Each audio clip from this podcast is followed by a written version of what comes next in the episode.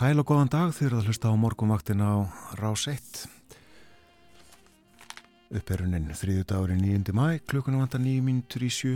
Hér sitja Björn Þór og Þórun Elisabeth og við fylgjum ykkur til nýju og byrjum á að huga að veðrinu sjáum hvernig viðræða á landinu fyrir 50 mínútum nýju steg að hitti Reykjavík hægur vindur, skíjað 5 gráður á Kvanneri 5 steg að hitti líka í Stikisholmi og lítilsáttar regning þar austan 7 6 gráður á Patrísfyrði og 5 í Bólungavík 5 steg að hitti á Holmavík 4 gráður á Blönduósi og við Söðanesvita 5 steg að hitti á Akureyri og lítilsáttar Súld 5 steg að hitti á Húsavík 4 gráður á Rauvarhöfn 5 gráður á Skeltingstöðum Logn þar.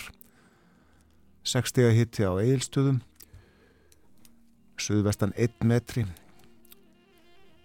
og svo er það Suðuströndin 7 steg á höfn 6 á Kvískerjum 8 gráður á Kirkibæi klustri 8 steg að hitti á Stórhauða í Vestmanauðum austan 8 þar 8 gráður líka í Árnesi og Logn.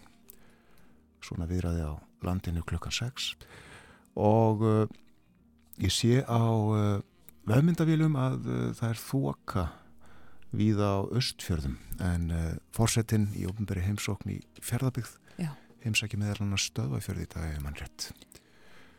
Það er einmitt gert ráð fyrir því í spáni að það verði þokur loft úti við sjávarsíðuna við norður og austur ströndina.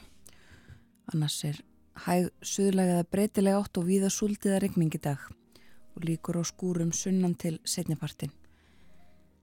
Róvar sumstaðar til norðaustalands og sérst þá til sólar en sem fyrir segir áfram þokuloft úti við sjáarsíðuna. Og eh, vestlæg átt á morgun líka hægur vindur, skíjað mestu, skúrir á víð og dreif en bjart með köplum söðaustan til. Og hitin fjögur til 14 stig svalast úti við norðurströndina bæði í dag og á morgun. Og svo segir í hjólaðingum viðfræðings við nýfundnaland er vaksandi lægð á hægri reyfingu norður en úrkomusvæði hennar mun líklega að koma yfir vestanvert landið á 50 dags kvöld með tilherandi regningu á þeim slóðum. Helst þú væntanlega þurft á austurhelmingi landsins til förstu dags þegar að regnir í flestum landslutum. Fremur líti veðri yfir hádægin með hita alltaf 15 stegum þar sem sólar nýtur. Það var hlítið í það um landi gær og uh, ringdi og ég uh, bóstalega sá grasið vaksa. Já, svo ekki sem minnst á lyktina. Fyrir utan hann, hún var dásanleg. Kemur af uh, bruminu af trjánum en uh, já, uh, grasumstæðar orðið hátt og alltaf verða sama spurningin sem vaknar um þetta leiti ás hvenar á að byrja að slá.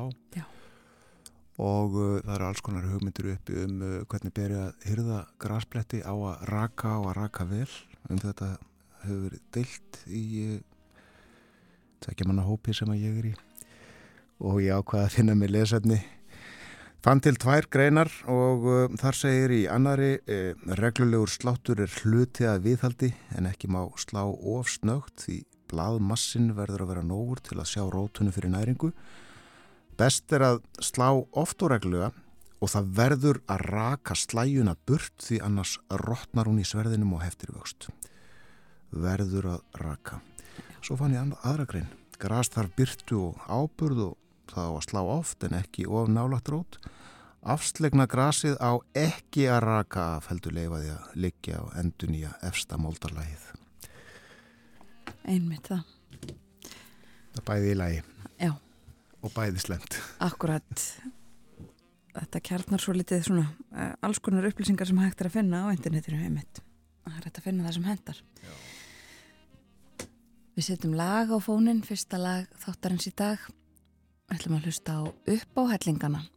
Það eru þeir Stengrimur Tík, Andri Ólafsson, Rökkvaldur Borgþórsson, Mattias Hemstokk og Sigriður Torlasíus syngur líka með þeim á þessari plötu sem við drögum fram sem heitir Tempo Primo. Upp á hellingarnir syngja Jónas og Jón Múla. Platan kom út fyrir skömmu. Og lægið heitir Rjúkandi ráð. Það er samnemt íslenskum söngleik revju sem var frumsýnd veturinn 1959 til 60 höfundarnir komið fram undir dölnefni Pír og Mann Það voru sem sagt þeirri Jónas og Jón Múli en einnig Stefán Jónsson frettamæður. Og uh, Stefán kemur nánar við sögu hér á eftir. En skulum heyra upp á hællingana syngja rjúkandi ráð.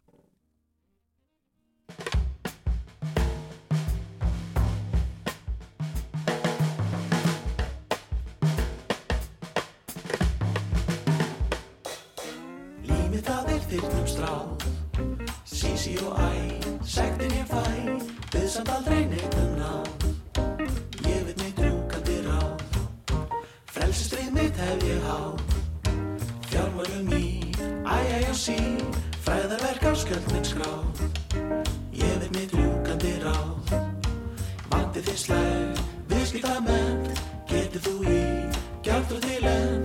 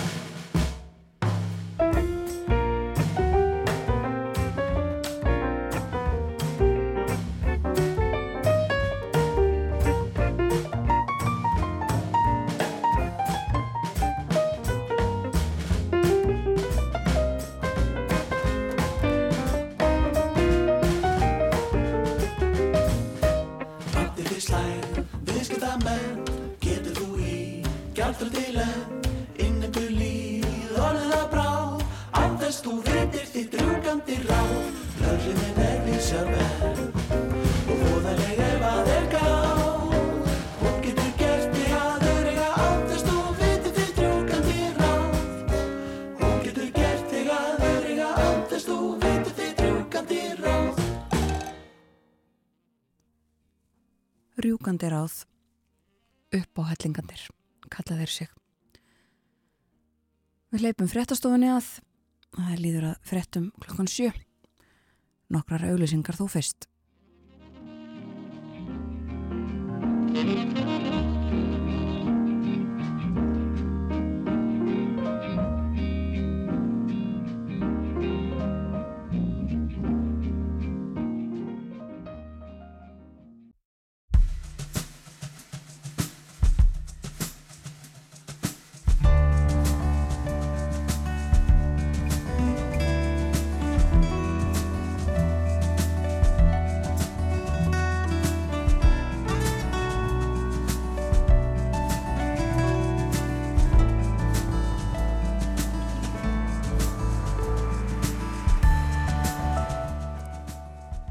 Dag, morgumvaktin heilsar þriðu daginn 9. mæ. Umsjón með þættinum hafa Björn Þór Sigbjörnsson og Þórun Elisabeth Bóðadóttir. Og í dag tölum við meðal annars um verðhrunið í kaupöllinni á fymtudaginn. Eldröð kaupöll, blóðröð kaupöll, þetta voru fyrirsagnar þegar virði margra fyrirtækja sem þar eru skráð snarlækkaði. Hvernig stóð á þessu og hefur virðið farið upp á ný? Við spyrjum að því þegar Þórður Snar Júliusson Blaðamaður verður með okkur upp úr halv átta. Artúr Björgvin Bollason fjallar um hávaðan í Berlínarspjalli í dag en það kom út bókum sögu hávaðans í Þískalandi á dögunum.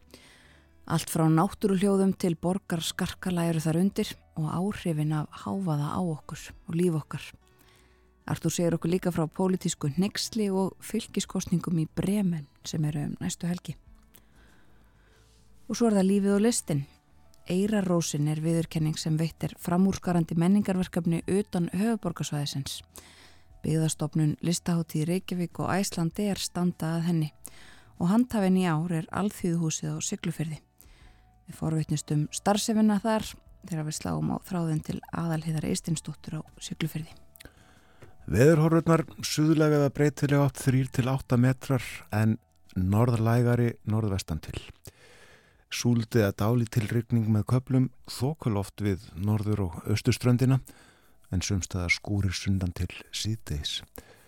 og uh, á morgun miðugudag þá verður áttinn vestlæg og vindræðin 3-10 metrar og uh, stöku skúrir bjart þó með köplum á Suðausturlandi hitti í dag að 14 stegum frá fjórum raunar og það verður svalast út við norðustlöndina svona eru horfurnar fyrir daginn í dag. Má búast við uh, einhverju sól svona hér og þar á landinu sínist mér. Skaman tíma þó. En það hefur verið hlýtt og verður einhverja daga áfram en uh, svo er gert ráð fyrir að kólna þessum helgina. Já, kólnar á sunnudag samkvæmt spáni núna og verður svo allt á mánudag í upphafi næstu viku sunnudag og mánudag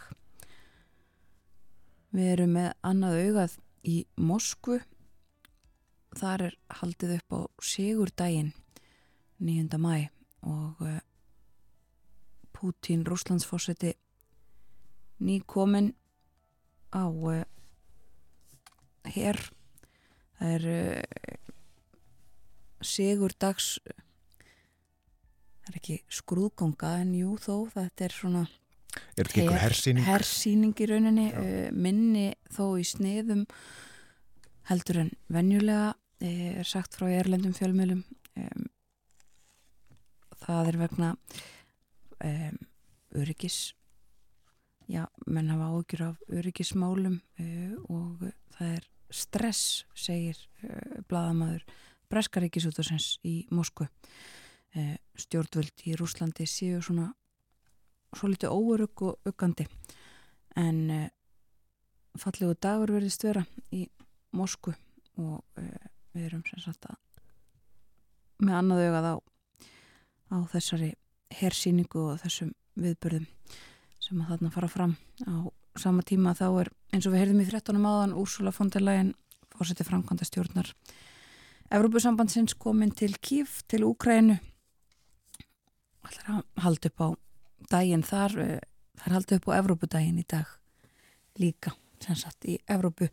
Og það er uh, dagurinn þar sem að sjúmann yfirleysingin var uh, sett fram sem að markar upphafið að því sem að nú er Evrópusambandið. Kóla og stálbandalagið og mynd á það að tilgangur alls þess Evrópusamstarfs er að uh, tryggja frið, tryggja það að það sem gerist í setni heimstyrjöldinni myndi aldrei endur taka sig en meira af erlendum fréttum hér á eftir. Já, aðeins yngað heim uh, ætlum að tala eins um Stefán Jónsson á eftir en uh, fyrst langar með að segja frá því að ég fór í gungutúri ger gekk út að gróttu og bakkatjörn og uh, heilsaði þar upp á kríuna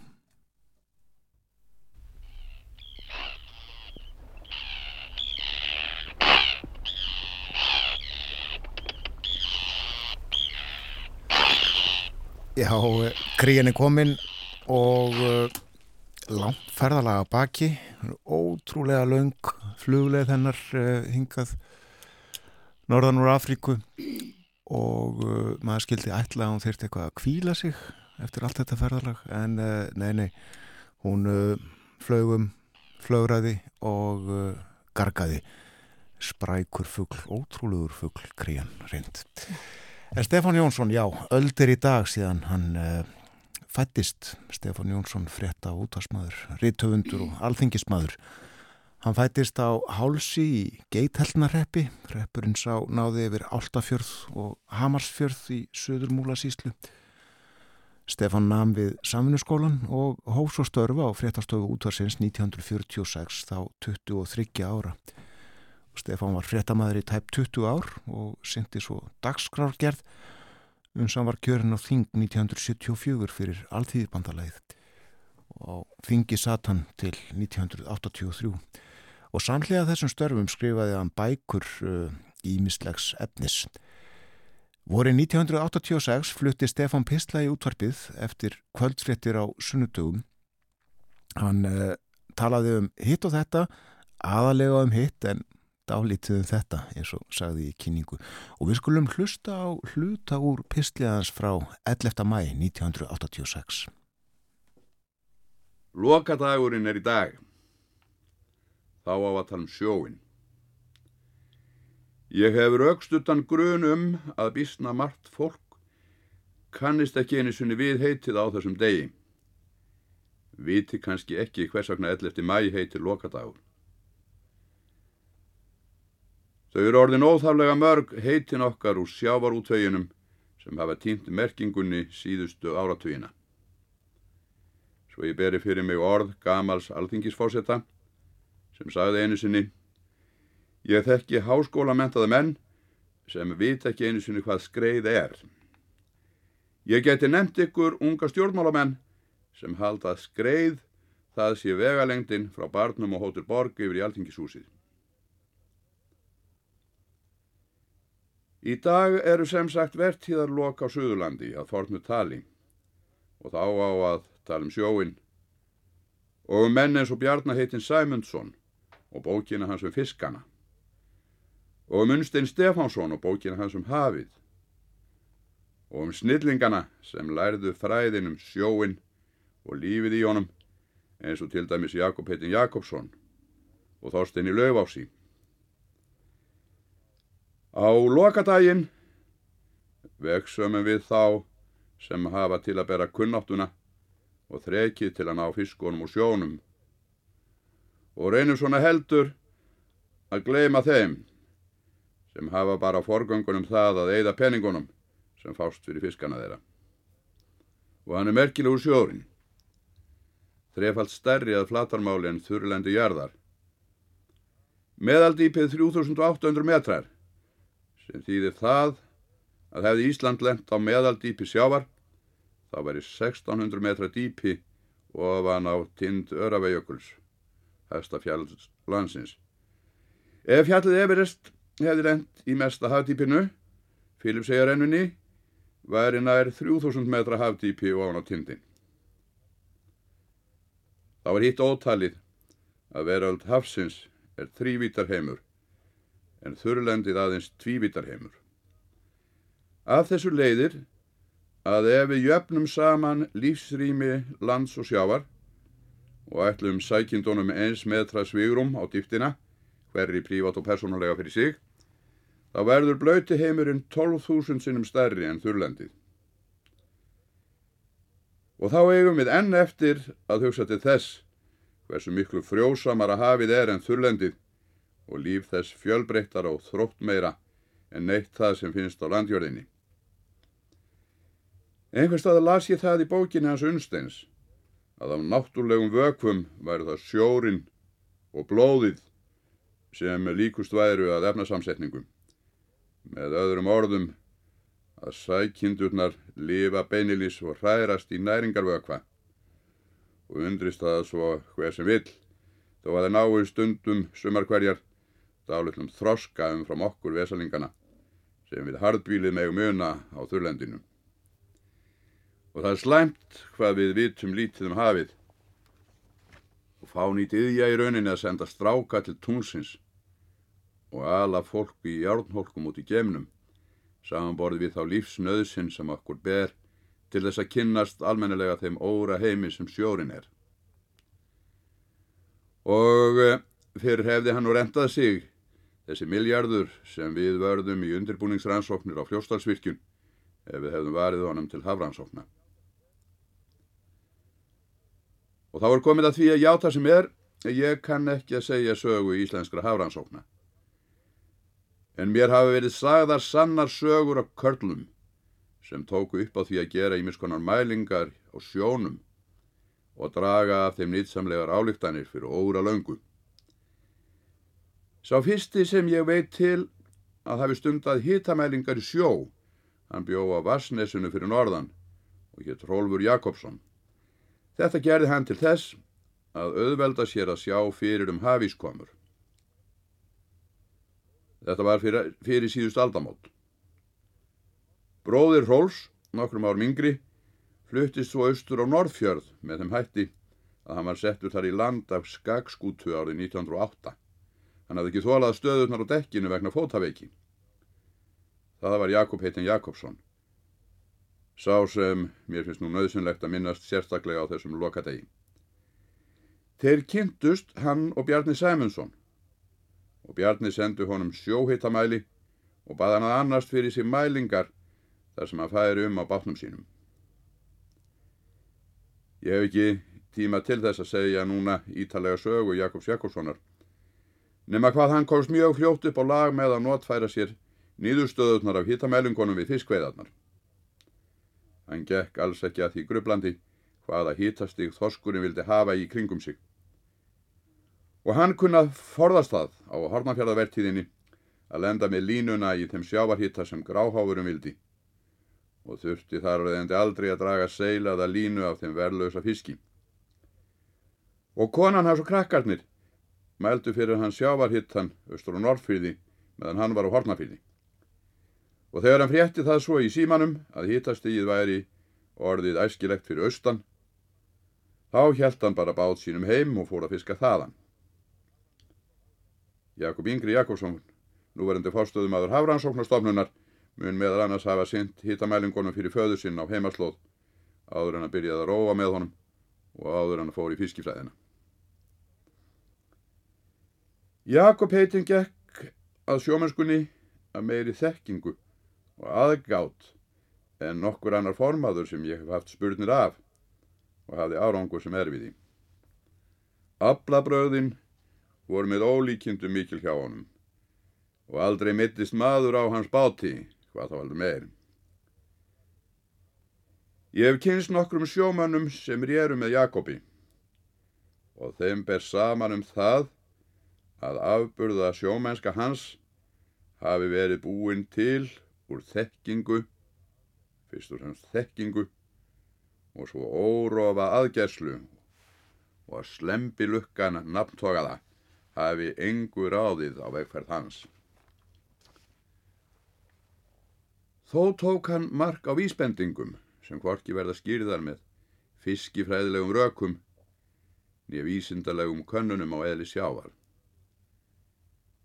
Hann saði mér frá því að hann hefði oft dremt föðusinn og stundum hefði draumarnir verið með þeim hætti að hann tók mark á þeim.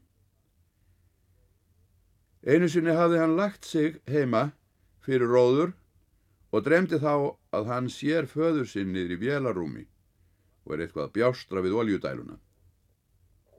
Við það vaknaði Jakob og dreif sig á fættur og um borð og skrúfaði frá oljudæluna og tók hann í sundur, lið fyrir lið, en fann bara ekkert aðtögavert við hann. Samt var hann ekki rótt, svo hann brá á það ráð að fá liða aðra dælu til að hafa með sér í róðurinn, til vonar og vara. Fór enda svo að vélinn stöðvaðist hjá honum í slæmu veðri og ekki nema svo sem stein snar upp í hamrana þegar hann var búin að setja varadæluna við í vélina og vélinn komst í gang. Þetta hérna heitir að formaður sé vakinn og sofinn í starfi sínum. Stefán Jónsson í Pistli á lokadeginum 1986. Lokadagurinn er eða var 11. mæ. Þann dag laug vetrarvertíð á Suðurlandi með formlegum hætti. Þetta var í í þá tíð en uh, fyrirkomulag fiskveiða er með öðrum hætti nú. Stefán sæði meðal annars frá Jakobi Jakobsinni sem að rýri frá Norrfyrði. Hann var fadur Jakobs fiskifræðings og fórstjóra Háranssónastofnunar til margra ára. Öldir í dag síðan Stefán Jónsson fættist. Hann lést í september 1990. Við erum eins og við nefndum hér fyrir morgun með annað augað á hersýningunni og, og uh, hátíða höldum í uh, Mosku að sjá hvort að við getum hýrt aðeins í fórsetta Rúslands hann er að halda ræðu innmitt núna. Langa ræðu er gert ráð fyrir uh, hann er nýbyrjaður hefur óskað rúsnesku þjóðunni til hamingi með daginn. og eh, segir að nú sé stríð háð, eh, alvöru stríð og eh, segir líka að Rúsland sé að verja fullveldi sitt. Það eru þarna í fyrsta sinn í nokkur ár aðrir þjóðhefingjar eða leðtúar með honum á sviðinu. Þarna eru meðal annars leittóar Kazakstan, Belarus, Aleksandr Lukashenko er þarna. Fórsetir á þeirra Armeníu sömu leiðis uh, dregin fram hér í uh, beitni lýsingu hjá BBC og einhverjir fleiri. Við fylgjumst áfram með þessu. Og uh, greint frá því annar staðar í Erlendum fjölmjölum að það hafi 25 uh, eldflögum verið skotið yfir Úkrænu Úkrænski herrin segist hafa um, skotið niður 23 ár af 25 og engin um, þar hafa ekki valdið neinum skada svo vitað sé hefur bara uh, kviknað í vegna uh, braks úr þessum uh, þessum eldflögum en líka sagt að það hafi ekki að fólk hafi ekki sofið mikið eða vel í höfuborg Úkrænu við skulum skoða aðeins aðrar frettir en þó tengdar. Við nefndum það á þann að fórsetið Frankóti stjórnar Európusambandsins, hún er komin til kænugarðs til Kív til að halda upp á Evrópudaginn. Fjölmjölar viða með hugan við í mislegt sem að þessum málum tengjast. Dagans nýheter í Svíþjóðu með bladamann í Rúmeníu við hörstuð Allandshafsbandalagsins við Svarta hafið og þar segir í fyrirsögn blaðsins er uh, verið að búa Allandshafsbandalagið undir mögulega útbreyðslu stríðsins verið að æfa slík mál. Eh, þar er þó líka talað um Eurovision en í kvöld er fyrri undankeppnin í Eurovision. Norðmenn svíjar og finnar eh, með fulltrúa sína þar og sagt frá því að öll lögin séu meðal þeirra sem búist er við að gangi hvað best, segir í fyrirsögn og að baráttan gæti orðið norrætn nágranna slagur. Í svenska dagblæð þetta í Svíþjóður eru kostningarnar í Tyrklandi um næstu helgi til umfjöldunar ekki síst út frá stöðu svíja varðandi mitt allansvarsbandalæð sagt að þeir fylgist vel með úrslutunum vegna þeirra áhrifa sem þau getu haft á aðild svíja. Í Damörku er líka talað um kostningarnar í Tyrklandi, informasjónir með útökt á Erdogan Forsetta undir fyrirsögninni frá Píslarvotti til Kúara Píslarvætti um, Í Breitlandi eru það myndir af Karli Konungi á morgum fórsjónum, ekkert öðruvís en síðustu daga. Þetta er þó fyrsta opimbera myndin sem gefin er út af honum, sem gríndum konungi Já, í skrúðanum öllum og það verðist alveg eh, vera að regla þarna slíka myndir þær er þetta á fórsíðu.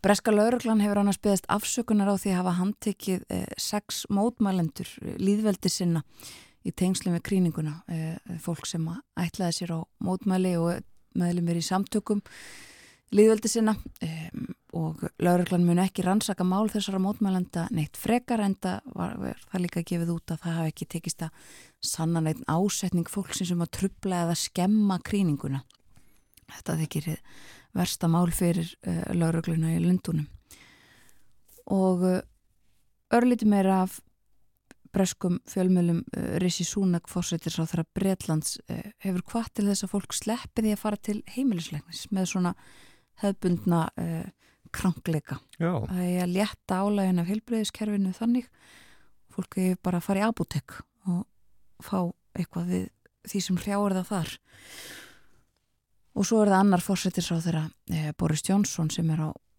einni fórsíðin en það er sagt frá því þar að honum og Karli sem að þá var breyta prins uh, hafi lemt harkalega saman í tengslum við áform stjórnvalda um að flytja flóta fólk til Ruanda uh, hlustendur þekkja þetta þessa sögu.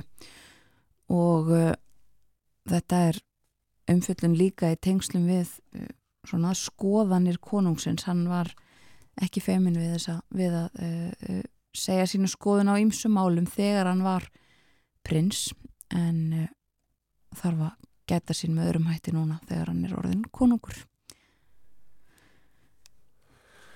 Réttastörum alþingis í dag uh, opinn fundur uh, í efnaðs og viðskiptanemnd hefst klukkan já upp úr nýju og gestir Ásker Jónsson Sælabankstjóri Unnur Gunnarsdóttir fyrrum varasælabankastjóri fjármála eftirlits og uh, Björg Sigur Gísladóttir sem að nýverið tók við af unni og er sem sagt var að selabankastjóri fjármála eftirlits og uh, umfjöllunar efnið uh, skýsla fjármála eftirlits nefndar Selabanka Íslands fyrir síðast ár. Áski Jónsson er mjög reglulegur gestur á opnum fundum efnaðs og viðskiptanemndar og uh, í þingsanlum sjálfum þá fer fram í dag uh, eftir hátægi upp úr tvö líklega uh, sérstök umræða um notkun ópjóðalifja málsæfjandi ásmundu Frýriksson og helbriðisáþra Viljum Þór til ansvara en fréttaeflitið kemur eftir smástund. Við heyrum fyrst auðlýsingar eftir fréttaeflitið verið Þórður Snar Júliusson stjóri heimildarinnar með okkur. Við ætlum að tala um kauphöllina. Þennan uh, blóðröða fymtudag í síðustu viku. Til dæmis við um, ætlum líka að tala um ímislegt fleira.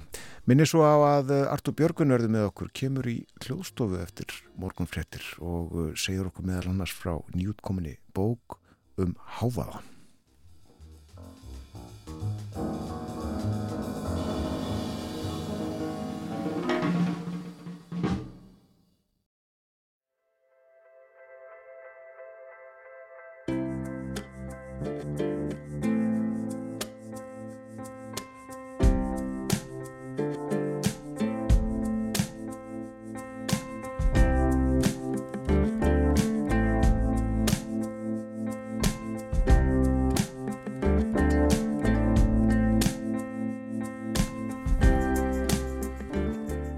sæl þegar það hlusta á morgumvaktin á rás 1 klukka núna réttliðlega hálf átta.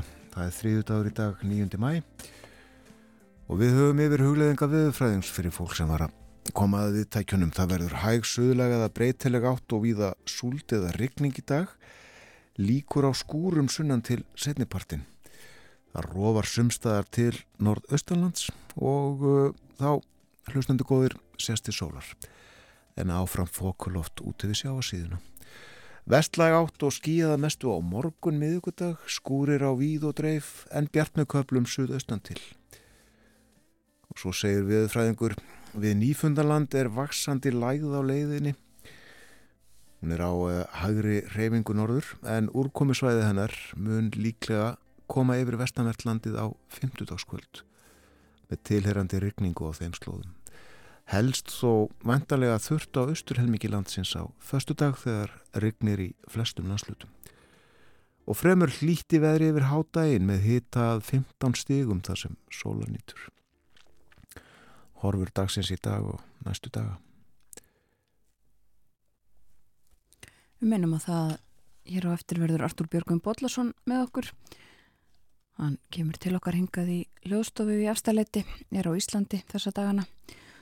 Við ætlum að ræða ímislegt fyrir við pólitíst neyksli. Við ætlum að tala um uh, kostningar sem eru framöndan í Bremen og uh, svo er það Hávaðinn sem er forvitnilegt mál. Uh, það var að koma út bók um sögu Hávaðans í Þýskalandi.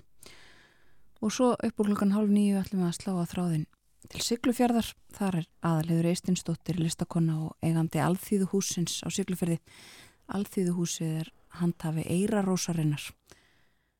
Það er viðkenningar veittar í síðustu viku. En uh, nú ætlum við að spjalla um efnahag og samfélag. Þórður Snar Júliusson, reittstjóri heimildarinnar, er sestur hér anspænis okkur. okkur. Góðan dag. Velkom, velkomin til okkar. Við ætlum að uh, fara nokkra daga aftur í tíman til 50 dagsins í, síðustu viku þegar var, ég hrun í kaupöllin, er ekki átt að tala um það, það var uh, slíkt fall á virði fyrirtækja þar. Uh, þriðji versti dagur í kaupöllinni frá hruni. Vísitalan, úrvásístalan lækkaðum um 7,5% í, í viðskiptum þessa dags og uh, það er einugist tvísvar uh, frá atburðunum hér 2008-2009 uh, verið verri staða og annar þeirra var alveg á því tímabili í, í mars 2009, 9. mars nána tildegi þá lekkuðu hlutabröfum 26,9% og það eru þetta beintengt þeim atbyrjum sem áttu sér stað þar í aðdraðandan eftir endurreist uh, kaupallarinnar út af því að kaupallin varð ekkit uh, varð nánast að engu eftir bankarunni að þetta endurskipuleggjana endurskipuleggja mikið af fyrirtækjunum sem síðan rötuð aftur inn í hana í gegnum banka. Uh, og síðan þá er vesti dagurinn sem hefur verið, það var hérna 12. mars uh, hérna í koronaveiru fárinu hér þegar hérna ban, bandaríkjumenn voru að loka á ferðir uh, þangaðinn og hérna og markaðir uh, já, brúðust mjög illa við og þá lækkaði úr á sístalunum 8,3% þannig að það er kannski meira sambarileg Uh, tala með, með þá sem átt sér staði núna á 50 daginn en svo frá 2009 Einmitt. og eftir þess að þetta tekið og talaði um eldröða og ég var blóðröða kaupöll í fréttunum þennan dag. Já eðlilega þetta, hún var það, það lækkuði öll félug nema eitt, eina félugi sem lækkaði ekki var brem og það stóði stað. Þannig að hérna, allar tölur voru rauðar. Þegar, þegar félug lækkað þá rauð rauð, þegar það hækkað þá rauð græn. Einmitt. og nú var þetta blóðrauð uh, stóra breytan í þessu var Marel. Marel er uh, alla jafnastæsta fyrirtækið í kaupöllinni, Alvotek hefur uh, á stundum tekið fram úr þeim á undarfötnum uh, mánuðum og Marel viktar mjög mikið inn í úrásistöluna stort alþjóðlegt fyrirtæki er líka eð, í eðli sínu ólíkt mörgum öðrum fyrirtækjum í Íslensku kaupöllinni verandi með starfsemi á alþjóðamörkuðum þar sem svona sjárótsfyrirtækin og, og, og Marel og uh, Alvotek svona að mestu leiti skera sér úr. Uh, af þeim sem eru skráð á aðalmarkað mörg flest fyrirtækin þar eru þjónustu fyrirtæki sem vinna fyrst og síðast á Íslandi. Uh, og gengi Marel lækkaði um 17,6% tæp á einum degi. Og þetta var daginn eftir það ekki að ársuppgjör var kynnt uh, ás hluta, Árs hluta uh, uppgjör. fyrir fyrstu þrjá mánuð ásins og uh, það sem kannski kom mest þar óvart eða talið hafa orsaka þessa, þessi viðbrögð er í, samdráttur í pantanabók Marel, það er hort á það hversu mikið er pantað af þeim vörum sem Marel framleiðir og svo staða var verri en margir greinundur hafði átt vonu og uh, það er svona það sem orsakar uh, þetta verðfall á hlutabrjónum. Uh, markasverði félagsins fór úr 452 miljardum króna í 381 miljard króna á einum degi. Það eru 70 miljardar sem þurkuðust út þar og Þetta er í annarsinn á mjög skömmum tíma sem við sáum 70 miljard að þurkast út af markasverði fyrirtækis í Kaupöld Íslands á mjög skömmum tíma. Það gerist líka eh, hjá Alvotek eh, eins og við rættum hér á þessu vettvangi eftir að, Alvotek fekk ekki eh, það markasleifi sem það var að býða eftir hjá bandarísku lifi eftir stofnunni 13. apríl. Já. Það er skiljanlegt að einhverjum eigendum hlutabrifa í Marel lítist ekki á blikuna og ákveða að selja en hvers vegna lækkaði virði annar félaga líka? Svona getur haft afleitar afleiðingar uh, þegar uh, það verður verðfall á einhverjum ákveðnum hlutabrifum þá getur það leitt til svona neikvæðni í heild. En það eru líka önnur félög sem hafa verið að skila uppgjörum og sem lækuðu mikið festi til að mynda skilaði tapuppgjöri og það uh, kannski eðlilega leiði til þess að það félag lækkaði tölvett 6,8% í þessum viðskiptum. Alvotekku þetta hefur verið í miklum olgusjó, það lækkaði 5,15% þannig að hérna uh, það eru líka bara bæði sértækar ástæður fyrir því að ákveðin fyrirtæki eða félag geta verið að lækka uh, og þetta lendir einhvern veginn svona allt á sama tíma, það eru þetta mjög krefjandi aðstæður í efnaðs umhverfi heimsins og uh, þær hafa áhrif á rekstur fyrirtækja. Þannig að hérna uh, þarna bara einhvern veginn talaði hansi margt saman á einum degi Já. sem orsakaði þetta. Uh, ágefni er nú kannski líka það að úrváðsvístalan hefur haldið áframalæka eða hún er, hún tók aðeins vissi daginn eftir en hérna hún er lekkaði gær. Þannig að þessir 20 miljardar hafa ekki komið tilbaka ef svo má segja. Uh, Nei, ekki uh, í neinu samræmi við það sem hérna átt sér staði, menn að úrváðsvístalan í lókdags í gær var 2428 uh, hún var uh, í síðustu viku, byrjun þriðu daginn í síðustu viku 2602 þannig að hérna hún hefur bara lækkað umtalsvert á skomum tíma. Já, veðköll voru nefndi síðustu viku.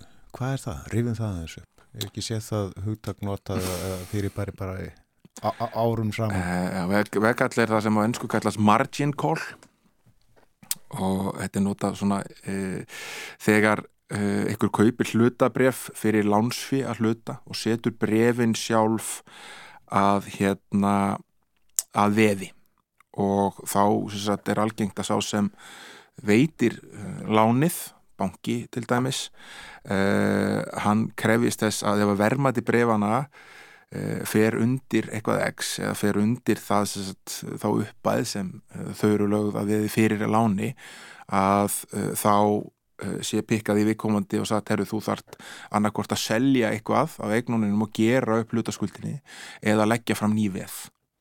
Þetta er veðkall. Já svona í mjög einföldu máli. Akkurat. Uh, má uh, búast eða margir hafi lendið miklu vandræðum á fymtaðin? Um, mér finnst það ekki ósennilegt að uh, þeir sem eru gýraðir á markaði og þetta kallast að, gýra, að vera gýraður þegar þú ert að taka lán til þess að kaupa hlutabref að sérstaklega þeir sem voru kannski með ykkur stöður í Marel að þeir hafi geta lengt í ykkur vandræðum.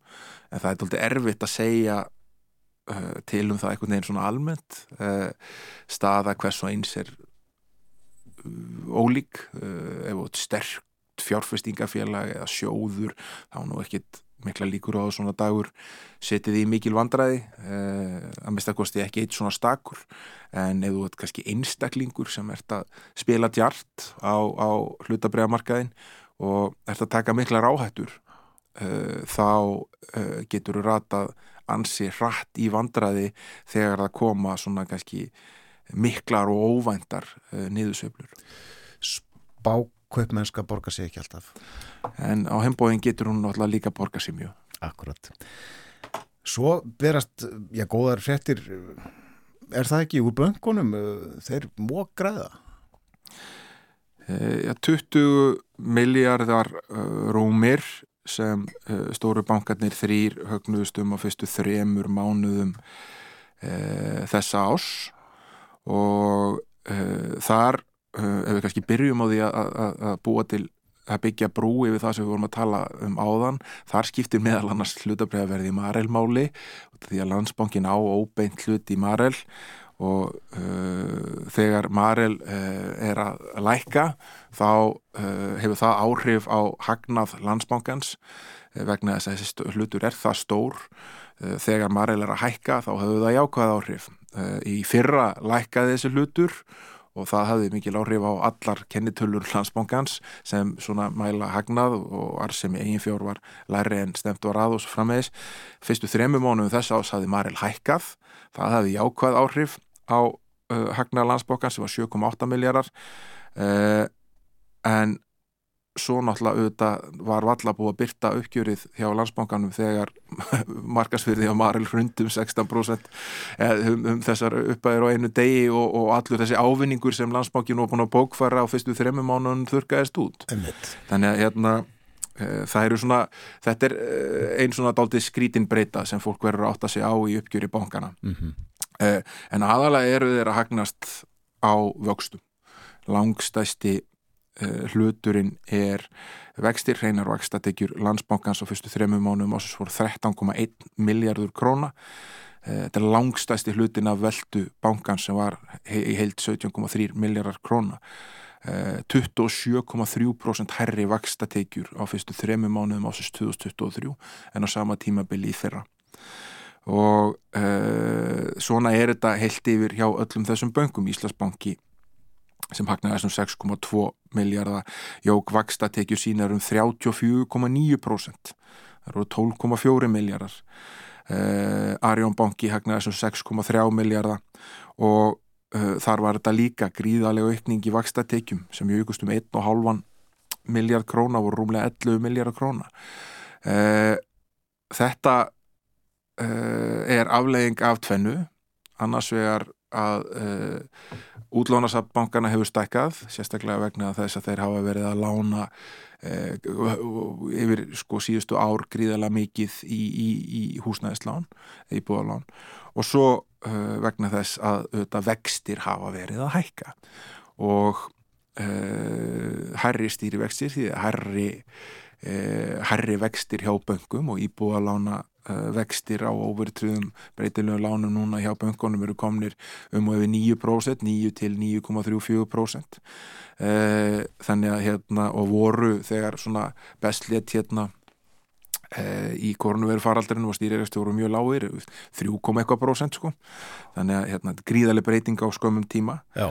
og e, vaksta munurinn e, það sé munurinn á milli þess sem bankarnir e, rukka e, í vexti þegar fyrir það sé lán út og það sé borga í vexti fyrir það sem e, þeir fá frá okkur e, innlánunum og slíku.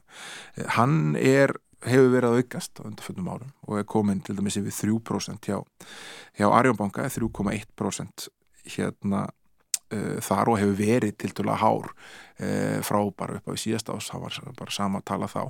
En hérna uh, og er svona hvað 2,78% og upp í 3,1% hjá bankunum og þetta er miklu miklu herri vakstamunur en er í nágrannlöndunum hjá okkur Þetta? og hérna uh, og eitt af, af, af svona möndurón sem var farið mikið með hér í, í korunveru faraldurinnum þegar það verður verið að búa til súrefni fyrir atvinnulífið og fjármálastarsemina var það að, hérna, og í aðdraðanda þess var það að þetta lækka eins og kallega bankaskatt vegna þess að það myndi skila læri vakstamunni mm -hmm. og bankaskatturinn var lækkaður uh, á undan áallun árið 2020 og það verður ekki skila neinum læri vakstamunni, vakstamunni eru þvert á móti farið hækandi, þannig að e, svo aðger hefur ekki skila sér e, til neytanda. Það er kallað eftir samfélagslegri ábyrg bankana, er, er það fyrirbæri eitthvað til í rekstrar formi banka? E, mér, hefur fundist svona daldið komist að horfa á, á, á þessa umræður þegar bankan eru líka að tala um hérna, þessi svo miklu samgefni að það tryggi einhvern veginn neytendum bestu kjör Uh, mér finnst svo samkefni ekki dvera neitt svakaleg, það er ekki rosalega munur á þeim, bæði þeim lánum sem bankarnir er að lána eða, eða þeim vöxtum sem þeir eru að bjóða. Uh, að minnst að kosti ekki þannig að, að hérna, maður sér fjöldaflutninga á milli fyrirtækja. Uh, það er raunulega þannig að kjörin hjá lífyrísjóðunum eru við þessar aðstæður tölvöld betri en þau eru hjá böngunum þannig að fyrir þá sem geta fært sig þanga þá eru tækifæri þar. Við uh, séð núna að breytilegir verðtriðir íbúa lánavextir hafa verið svona uh, í kringum 8% þar hjá, hjá stóru lánveitendum hjá lífyrísjóðunum en, en hérna, eins og ég saða 9-9,3% hjá stóru bönkunum. Uh, samfélagslega ábyrð banka ég veit ekki hvað alveg hvað að felast í henni. Staðan er svona hérna, uh, núna er búið að hækka gríðarlega greiðslubyrði. Þeir sem eru með breytilega verðtriða vexti virða að stráða ágætlega við það. Vanskil hafa ekki verið að aukast í bankakerunum þannig að það virðist vera hópur sem var með svigrum uh, í tekjum sínum uh, afgangnum að tekjum sínum til þess að takast á við þessa stöðu. Áhættan er þegar förstu vextinni losna þegar líður á þetta ár þar séu fleiri ungir uh, jafnvel fyrstu kaupendur og, og skuldsettar í kaupendur og að þeir mun ekki ráða við rúmlega tvöföldun á mánalegri greiðslubyrði sinni af lánum. Og uh, eins og þetta lítur út núna þá eru ekki margar aðra leiðir sem ég sé að vera bjóð upp á en að það fólk sé bóðið velkomið í í að færa sér verið í verðtrið lán til þess að rækka greiðslubyrjuna sína. Uh, en svona uh, tapa einfjórstuðunni fyrir vikið. Bankarnir auglýsa allavega ekki mikið kjör sín, uh, reyna að lokka fólki viðskipti vegna þeirra, þetta eru svona ímynda auglýsingar þar sem að sést uh, fallet fólki í fallegu umhverju. Já, og svo eru þetta hindtekjupósturinn sem við erum ekki búin að fara yfir sem eru þóknantekjurnar. Þetta eru svona grunnrækstu bankana, það er annars að vera vakstatekjur eins og þóknantekjur og það eru mjög umfásmiklar og það eru heldur ekki droslega sínilegar. Það er verið að greina þetta von á skýslu eftir tvær vikur um það bil uh, held ég að Lili Alfredsdóttir viðskiptur á þeirra hafi sagt í fréttunum í sjónvarpinu gerðkvöldi. Nóum þetta, Þórður, við ætlum að tala um uh, sérregna sparnað sem að hefur verið bóðið upp á núna um langt skeið en, en tiltölulega nýlega var okkur heimilt að taka hann út skatt frjálst og láta hann rennin á húsnæðislánin ja. og, og þú varst með úttækt á þessu ja, 2014 er, te er teknir þessar stóru ákvarðanir til þess að, fari þessar stóru aðgeri til þess að breyðast við alls konar stöðu sem var þar uppi undir hatti leiðreitingarinnar annars vegar uh, greiðslur, beina niðugreiðslur og ríkisjóði á, á húsnæðaslánum ákveðins hóps sem uh, greiningar síndu síðan að rataði að uppstöðu til eigna meir og teikju herri hópa samfélagsins og svo hins vegar var farið í þessa leið að heimila fólki að, að nota skattfrjálst sérgnarspartnað til þess að greiða nefnir húsnæðislánu sín mm. og uh, saman hefur þetta gert það að, að skuldir margra hafa lækkað verulega svona í stóra samhenginu en það hefur vant allir greiningar um það hvert þetta er að fara vegna þess að þetta er aðal húsnæði stuðningsleið hins ofnbæra.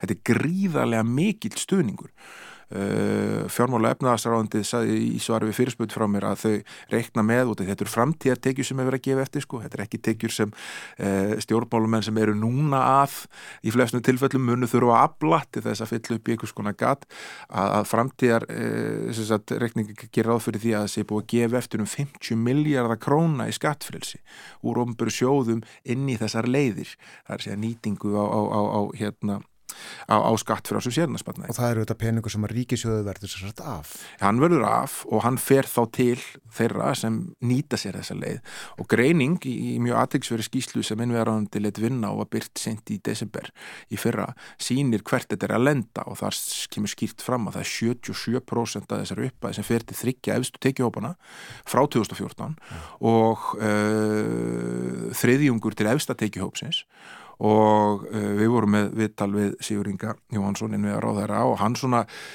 gegst alveg við því að þetta væri kannski ekki að lenda á þeim stað sem þetta þyrta lenda og nú er búið ákveða að það verða að setja sólalags ákveði í, í þessa nýtingu, þessa leið, hún mun ekki gilda lengur en út næsta ár.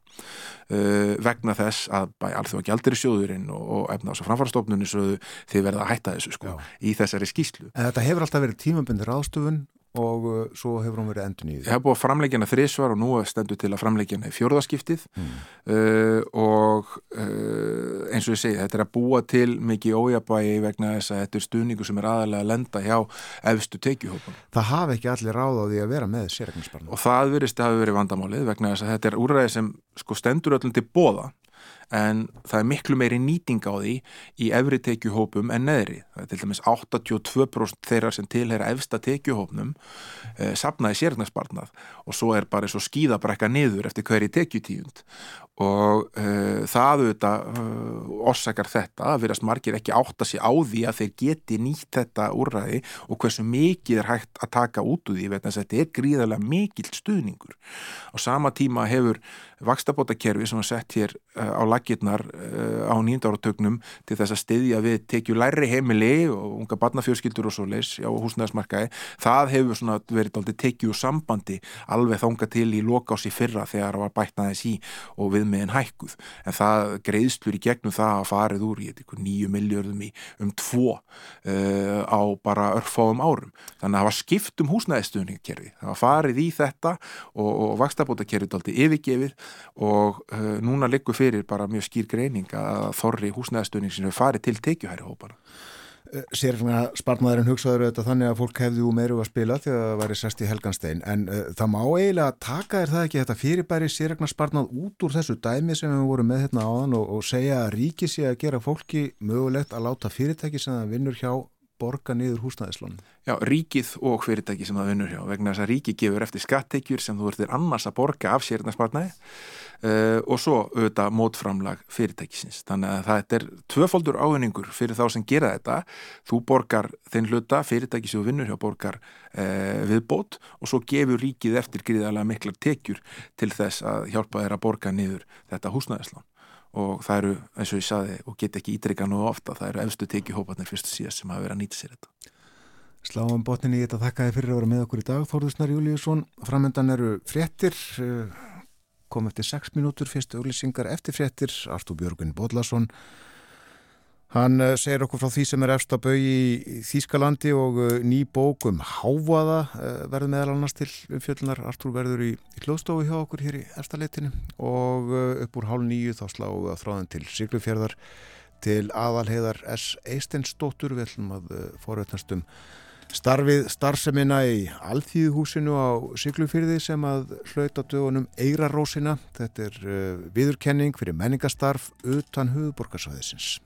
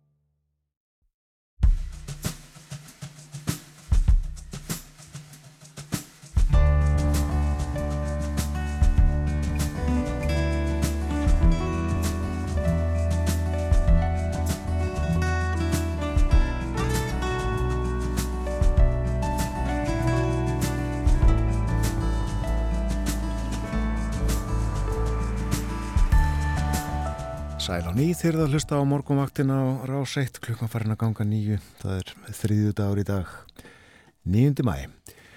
Og uh, eins og við gátum um fyrir frétnar hér áðan að þá sláum við á aftur á þráðan til aðalheðaræs Eistinsdóttur listakonu á Siglufyrði.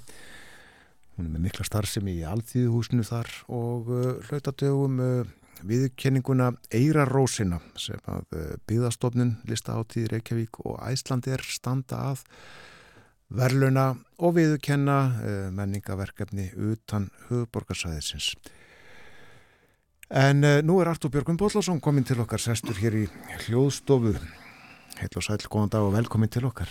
Góðan dag, þakka ég verið það. Þú ert hér alltaf annars slæðið? Já, svona endur um sinu, það er nú að fækka, fækka skiptunum på síkastegin. Jú, jú, maður verður að koma til heimalansins í bland og aðeins að þefa af gróðurinnum. Já, akkurat. Sem er mjög góð gróður líkti núna náttúrulega því að það er hverki heiminum annað eins voru eins og Íslandi. Það er bara þannig þegar náttúrun er að vakna af að vetra að dvala þá er þetta alveg stókvæmstu upplifun. Já, einmitt. Og uh, já, Berlina spjall úr Reykjavík í dag, uh, varst að uh, rínarlöndum um daginn en uh, við uh, tölum um þýskmálefni og uh, við nefndum það nú hérna áðan, við ætlum að tala um háaða á eftir en fyrst að, að pólitíkinni og, og að stjórnmálamanni nokkrum litríkum. Já, Bóris Palmer, hann er bíslar litríkum stjórnmálamæður og Boris Palmer er einn af, hefur verið einn af mest ábyrjandi stjórnmálamönnum Þískarlands úr flokki græninga síðustu já, 16-17 árin. Hann hefur verið borgarstjóri í Tübingen sem er afskaplega hugurleg lítil borg, réttum 100.000 íbúar við ána nekkar í Suðu Þískanandi og þar hefur Boris Palmer notið ómældra vinsalda, mjög vinsalda búið að kjósa hann í þrýgang sem borgarstjóra. Hins vegar hefur hann ekki notið jafn mikilvæg vinsalda hjá sínum flokksbræðrum og allra sísta flokksfórustunni. Hann var nú kosin tvívegir sem græningi uh, og hann var innan við færtut þegar hann var kosin fyrstu borgarstjóðan, bara verið þarna í hvað 16 ár. Og í fyrra þá vildi hann verið að borgarstjóra áfram og Tübingabúar vildi það líka. En fórust að græningaflokksins var ekki á sama máli og uh, sagði að hann fær ekki fram fyrir þá meir. Þannig að það var annar uh, sendur eða kona sendur fram fyrir þá en hann bara bauð þá fram í eigin nafni og það eru beinar kostningar og hann flögin, hann fikk 50, rúmlega 50% allkvæði í fyrstu umferð. Þannig að það var ljóst að íbúarnir vildu að hafa hann. Já. en ástæðan fyrir því að e, þessi stýr hefur staðið um hann í fórustu græningaflokksins er mjög einföld. Hann rekst ákallið yllíksflokki og svo er hann líka með ansi, hvað er að segja svona löst munverk eins og stundum er sagt. Þar að segja hann áða til að segja það sem maður á að segja og hugsa upp átt og uh, hann er heldur ekki alveg svona korréttur þegar það kemur að ég veið að segja kynþáttamálum og flóttumannamálum og svona þá hafa margir haldið því frem að uh, sko hann sé bara frekar á ég veit ekki hvað, eftir ég línunni heldur en, heldur en græningi. Já, einmitt þetta sko uh, það að hann er saður litrikur það á ekki við bara um það vegna þess að hann er græningi sko. Það Nei, það er ekki um þetta og það byrjaði reynda fyrir mörgum árum sko, þá byrjaði hann að vera upp á kant við sinn flokk og flokksfórustuna og hann hefur oft látið út úr sér hluti sem að þykja mjög afarsamir, sérstaklega græningi og yfir höfu bara af já, svona einhvers konar vinstrimann í þýskri politík og hann hefur stundum lendi út í stöðum og fyrir, fyrir það hann hefur verið mjög lausmáll og svo sögðu upp úr á djón þar að hann var síðast þegar hann lendi út í stöðum flokkinn þá reynda sko var flokkskýrtinni hans látið líka eins og því hér það var ekki ákveða, það var ákveða rekaníkjuflokkun það stóð til. Og þá var ákveða að láta flokkskýrtinni svona leggja því til hlýðar uh, til ásloka 2023 en uh, svo lengi var hann ekki látið úr heft vegna þess að núna fyrir fánum, uh, já bara verið hvað tíu dögum ekki svo leiðis, vikuða þá var haldinn ráðstefna í Frankúrta mæn um innflytjandamál og sem eru náttúrulega mál sem við getum kannski reynd ekkert um að setna betur en þau eru eitt af höfuð málónum í þýskum stjórnmálum í dag og, og eru orðin já, eru svona, þar, þar takast menn mikið á og það átti að halda þarna rástefnu uh, sko sveitastjórnin það eru alveg mjög þreyttar á því þeim finnst, um, finnst ríkistjórnin ekki setja nóga peninga í að taka móti flótamönnum sem hafa flikst í Þískanans alveg unnvörpum hann hefur á miljónum síðustu árin. Og alveg frá því að Angela Merkel sæði þessa flegu setningu við Schaffendast 2015 en sem sett það hefur verið efnahætt þetta rástefn og það eru bóðnir svona fyrir menn í hinnum og þessum borgum og, og héruðum og, og þar mætir Boris Palmer og fyrir utan uh, háskólan, Göti háskólan í Frankúrt þar hefur sapnast saman lítill, ekki stóra, lítill hópur fólks með spjöld til þess að mótmæla veru hans þarna. Vegna þess að hann hefði ekki lungu áður látið út úr sér þetta svo kallaða N-orð eins og alltaf sagt, sko, þetta er svo maður ekki að hlæða þess en þetta þetta er svolítið sko, þetta er svolítið svona grátbróslegt að, að þetta orð, þetta N-orð það er alltaf verið að tala um það í fjölmjölum þýskum og það er aldrei segir aldrei nokkuð maður hvað, hvað þetta stendur fyrir það er aldrei að vita, það er neger sem sagt og negri. Og þetta er bannorð í þýskum fjölmjölum og bannorð ofnbellega eins og mér vita það er þetta er niðurlandi orð sem hörun stökt fólk.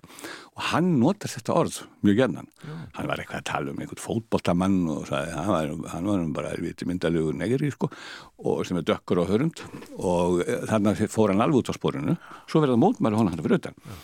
Og þegar hann mætir þá, þá sko kórónar hann þetta er allt saman með því að þegar fólk hrópar á hann, þú ert nazisti, þú ert nazisti og eitthvað svona. Er að hrópar á hann, þú ert fasisti, þú ert fasisti. Og þá missar hann stjórn á sér og ríkur upp og hálf öskara tilbaka á fólki og segir hvað, hvað út af einhverju orðið sem ég nota er þetta bara settur í einhvern nákvæmlega hópmann getið ekki mannin sem líkana verkum sínum og svona? Og svo þegar þeir sækja að hann í bóstæðilega mekkingu þetta var svona frekar svona herskár hópur að þá bara kalla hann tilbaka þetta er bara og geðingastjarnan þetta er bara og geðingastjarnan og það er náttúrulega eitthvað sem hann hafi ekki flimtingu í Þískanandi þar að segja hann sagði þið eruð útlöka mig eins og gert það í geðingarnar sínum tíma. Og, og það líka sko sjálfun sér við holokást og helðföruna og geðinga og stjörnuna sem sett var á geðingan til þess að merka þá sem er rétt dræpa í hriðaríkinu það fór fyrir björnstömmun að þetta allir miklu uppnámi. Og hann svo sagði, afs, sagði þessi úr flokknum skömmi setna sko nú verður að taka með reikningin að það er eins og Boris Palmer sem hefur staðið sem mjög vel sem borgastöri hann er búin að, búin að sko, fá fullt af fyrirtækjum til týpingin þannig að hvað er þetta eina skattarni eða hvað? Hafa hækkað við gríða það sem þau eru kallar geverbustóðir það er svona skattar einaði hafa hækkað tekið borgarina gríðarlega. Hann er lemist búin að sjá til þess með mjög skemmtilegum aðstjörum í umhverfismálum að týpingin verður sem það fyrst allra þíska borga árið 2030 til þess að vera nánast útblástuslaus og hann var í, í far, faraldrinum. Þá var hann, hann var fórustu fyrir öllum þískum borgum. Hann nefnilega bjóð til svona líkan bjóð til áhællun þar sem að menn gáttu semst að sko farið á veitingastæði, gáttu gert ínuslegt og lifa svolítið lífinu bara með því að þið síndi alltaf fram á að þið væru sko lausu við veruna, bara samdægus mm. og þetta opnaði marga þannig að menn lífðu betra lífi í tjúmingan heldur en við öngrum örum borgum þar sem var verið eins og í velina og loka alla bara inni.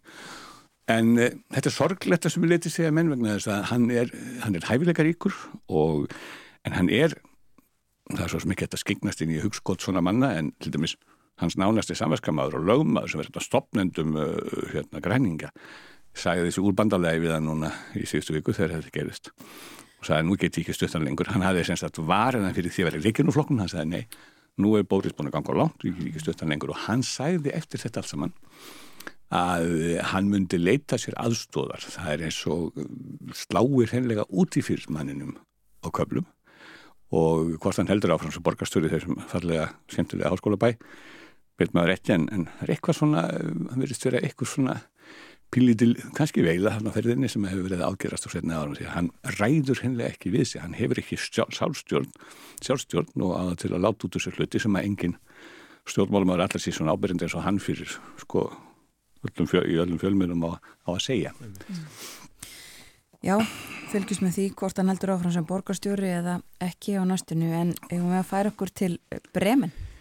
Já, það er nú uh, ástandur ólera, það er borgarstjóri frá jamlaðamönnum sem hefur ekki verið með neitt, neitt tjátt og hefur ekki verið settur út í hodn og fær að vera í flokkum sínum En uh, jafnaðamenn eru þar sem sagt í þryggja flokkastjórn núna og uh, þeir eru með, þetta er sko gamalt höfuð í jafnaðamanna og ástæðan fyrir því við nefnum þetta núna er náttúrulega að það á að kjósa í þessu minnsta fylgi Þýskalands um næstu helgi.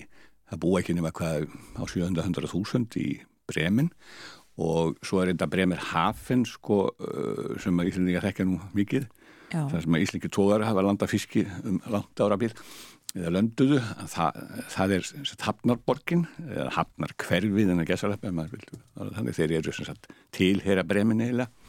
Það er hvað, hvað 50-60 km leið þetta á milli. En uh, borgin bremin sem sagt við, eða Brima borgin svona kvöldu við ánægvísir og hún er sjálfstætt fylgi og minnsta fylgið í Ískalandi og þar á að kjósa um næstu helgi. Og það er í sjálfur sér Uh, alltaf sko það er, það er oft alltaf tíðindi þegar korsið er í einu af þessum 16 fylgjum sem að mynda sambandlífið til Þískaland og uh, nú stefnir í það jafnaði menn duttu niður í síðustu kostningum þetta er úðalega sveiflukent og nú stefn segja að skoðanakanninu þeir munu fara upp um 5-6% þannig að þeir skjótis fram úr kristilugun sem voru stærsti síðast og uh, munu vantanlega áfram fara með stjórn borgarinnar eða borgaríkisins ásamt uh, græningum og vinstri, vinstrinu þeir eru þannig að því saman flokkar í stjórn. En það sem er nú svona já, í fyrsta legi þá er þetta, skiptir þetta málu upp á hérna, efriðdel þíska þingsins? Vegna þess að það skiptir máli hverju ráða í þessum 16 fylgjum hvaða flokkur er þær í fórustu vegna þess að sáflokkur sendir sinn mann, sinn fórsettisaðara á í hérna búndistari sem er efri del þíska þingsins. Þannig að, að þetta hefur bein áhrif á stjórnmálinn í Berlín. En uh, það sem er nú kannski óvennilegast við þetta er það að, að svo, það er 84 þingmenn á, á, á breymar þingi. Það var nú ekki með einn frá AFD síðast, það er ekki mikil, ekki mikil svona stuðningur við AFD-flokkin, hæri aukaflokki það þarf við sjá að síðuna við Norðursjó en e, þeir eru nú, munum nú mista þennan eina líka vegna þess að sáflokkur er ekki aðeins lítill, hann er líka klófin þó hans er lítill. Og þegar þeir ætlu að bjóða fram þá reyfist þau svo mikið að þeir ætlu að bjóða fram tvo lista. Þegar þeir vildi gátt ekki komið sér saman um mitt lista þetta er svona, hálfgett svona eins og maður heyrir frá stundum Afrikuríkjum þegar að hans er nefna nú löndin þar sem að menni fara bara að bítast um það hverjir er að vera við völd og fara nánast í hart út af því. Og þetta var svo sko náðið frílikum hæðum að kjörstjórnum sagði, já, þið geti ekki búið fram tólista, nú er, bara, nú er frambálfesturinn útrunnin þannig að þeir eru bara ekki með í slagnu núna og, og sita bara með sátt ennið og ætla að reyna björgengurum, það var ekki hægt. Nei. og það er semst að útleitt fyrir að, að í Brimaborg muni, muni jafnaða menn uh, rífa sér tölvist upp. Og svo er alltaf fylgst með því að græningar hafa svolítið dala þarna greinilega og uh, það er stærra mál heldur en við getum kannski færið út í fljótteitum tekið það hérna að ríkistjórnin sko í þessum fylgiskostningum endur spekla skjarnan að hluta til viðhormanna til ríkistjórnarinnar og þar sýt þegar jafnamenn og græningar. Ólaf Scholz hefur verið farsfell þannig, hann hefur ekki, ekki verið mjög umdeldur sem kanslari en, en Robert Habeck fórustum aður græninga í stjórninu og var að kanslari hann hefur verið mjög umdeldur og það er má kannski nefna í þessu sambandi að sjálfsagt er ein af ástæðanum fyrir því að græningar verið að vera dala í þessu fylki er svo að Habeck er lendur í vondum málum.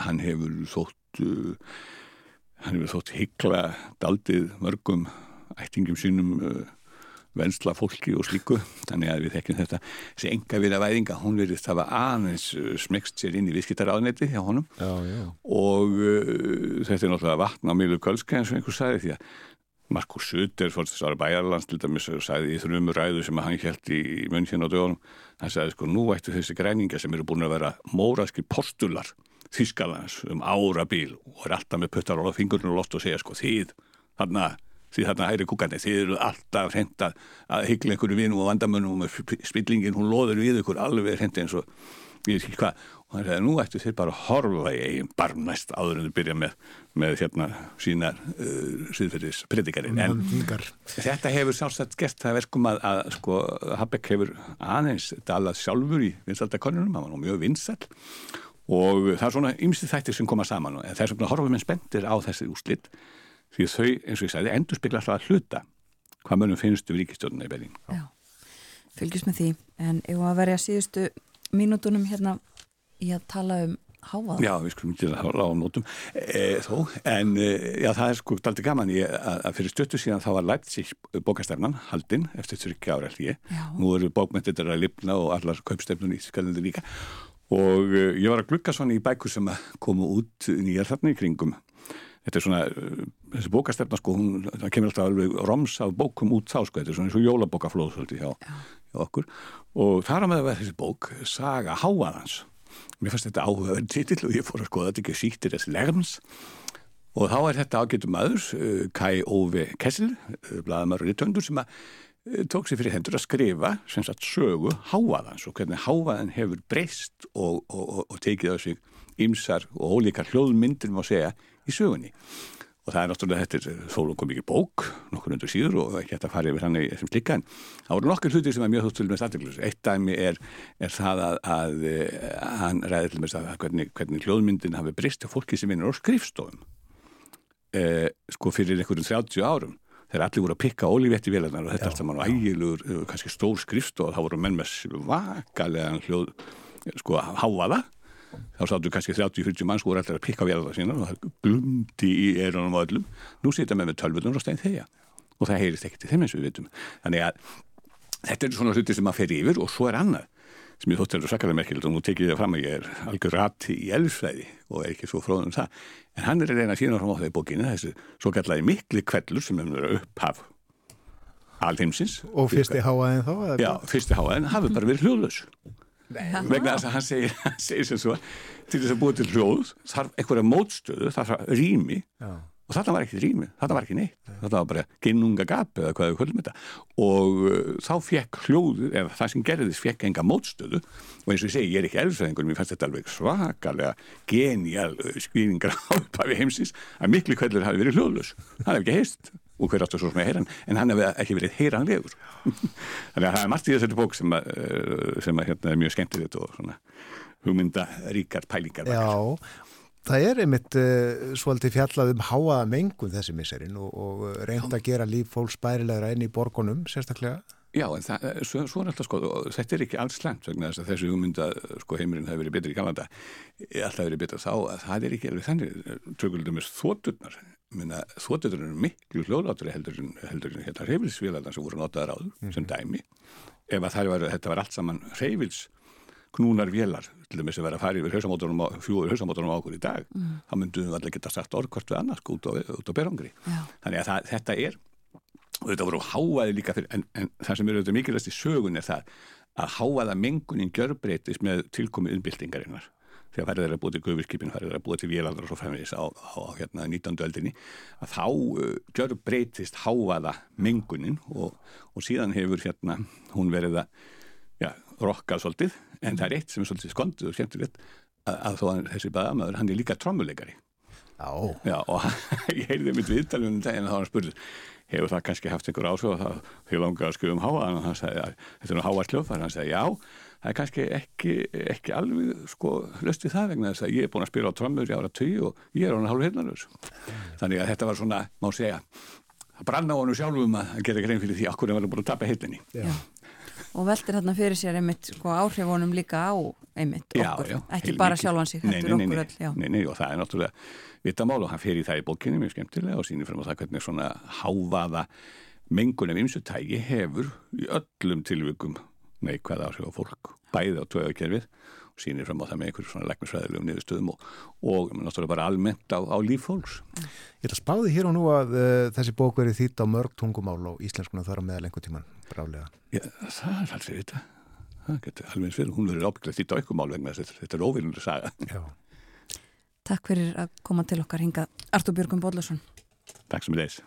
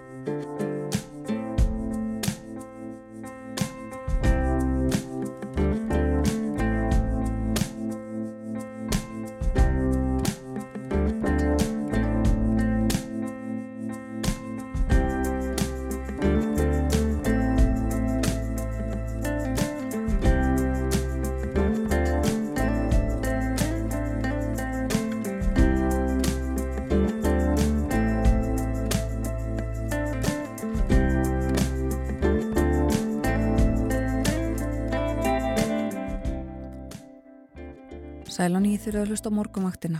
Klukkan orðin rúmlega hálf nýju þannan þriðudags morgun, það er nýjundi mæ og uh, skulum renna örsnögt yfir veðrið veðurhorfurnar, suðlegaði breytilega 8 til 8 metrar á sekundu en norðlægari norðvestan til.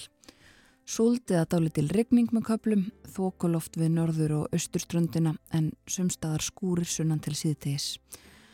Vestlæg átt þrýr til tíu og stöku skúrir á morgun en bjart með köplum á söðusturlandi og hitin fjögur til fjórtán stig svalast úti við norður ströndina. Og uh, það er svo vaksandi lægð á hægri reyfingu norður. Úrkomu svæði hennar mun líklega að koma yfir vestanvertlandið á 50 dags kvöld með tilherrandi regningu á þeim slóðum, segir í hugleggingum viðfræðings en það helst þó vantanlega þurft á austurhelmiki landsins til förstudags þegar að regnir í flestum landslutum. Það verður fremur lít í veðri áfram yfir hádægin og hitin alltaf 15 stegum þar sem að sólar nýtur. Það er myllt í veðri fram á sunnudag þá eru líkur á að snúist í norðanátt með regningu eða slittu engum norðan til og kólunandi veðri. Artúr Björgum Bodlason er haldin út í daginn, hann var hérna hjá okkur fyrir fretta yfirlitið hjá okkur í hljóðstofu ekki í Berlín eins og yðurlega og uh, sað okkur þó fá ímsu sem er ofalega á bau í Þískalandi meðal annars uh, á réttanum bók sem er nýkomin út og fjallar um sögu háfaðans hann var að koma út í tilöfna bókastefnunni í Leipzig sem nú er haldin í fyrsta sinn í nokkur ár. Allt svona lániðri í COVID faraldrinum. En eh, nú eins og við höfum bóðað í þættinum erum við komin í sambandi á Siglufjörð. Þar er aðalheiður Eisteinsdóttir listakonna og eigandi alþýðu húsins á Siglufjörði þannig er að í síðustu viku voru viðkenningar til Eira Rósarinnar veittar Eirarósin er veitt framúrskarandi menningarefni utan menningarverkefni afsakið utan höfuborgarsæðisins. Eirarósin beinir sjónum að og hvetur til menningarlegrar fjölbreytni, nýsköpunar og uppbyggingar á sviði menningar og lista. Og aðalheður er í símanum. Góðan dag. Góðan daginn. Ég ætla nú að byrja á, fyrst ég var að hafa yfir veðurspána að spyrja þig til veðurs. Það er nú súldarlegt hér á Siglufjörði. Já þoka alveg niður, niður fyrir miðfjöll og, og svona súlt. Já, Já, bara eins og spáinn og, og horfurnar gerður áð fyrir. Já. Æmitt. En fyrir það fyrsta til hamingju með þessa viðkynningu. Já, þakka að kæla fyrir. Segð okkur aðeins frá alþýðuhúsinu fyrir þau sem að vita ekki alveg uh, hvað það er. Já, alþýðuhúsið er uh, uh, gammalt félagsheimili uh, hér á Siglufjörði sem hefur uh, hýst ímsa viðbyrði gegnum tíðina alveg frá pólitík í, í spilakvöld og ég festi kaupa húsinu uh, árið 2011 og, og byrjaði eftir miklar endurbætur að hefja hérna menningastarf 19. júli 2012 og húsið gegnir þeim tilgangi fyrst og fremst að vera vinnustofan mín og og heimili en vegna þess að þetta er gammalt félagsheimili með uh, öllu því rými og, og, og, og svona aðstæðum eins, eins og þau eru og voru og þá uh, sá ég það að ég gæti staði hér fyrir alls konar menningaveipurðum og uh, reiki galeri í, í húsinu. Já. Þannig að það er það sem að gerist. Hér eru, hér eru svona 7-9 myndlistasýningar á ári eftir þá myndlistamenn aðra en mig og, og það eru svona 2-3 aðeins menningaviðburðir í hverju minnsta mánuði, alltaf að því að vera klukkutíma fyrirlastrar, uh, í að vera listasmiður og, og listaháttíðir þar sem fjölmarkir listamenn koma að. Já, það er hansi mikið.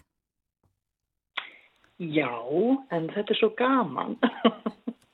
það er svo skemmtilegt að, að standa fyrir menningu og miðla menningu. Þetta er, þetta er svo mikið lífsfylling og, og ég get ekki ímynda mér skemmtilega líf heldur en að fá allt þetta listafólk inn uh, á gafltilming bara eins og maður segir og, og, og alla gestina og þá sem eru svona uh, áhuga samir um listis, allt samtalið sem að verður til á viðburðum og reynlega bara við morgunverðarborðið þegar húsið er fullt af, af, af gestum.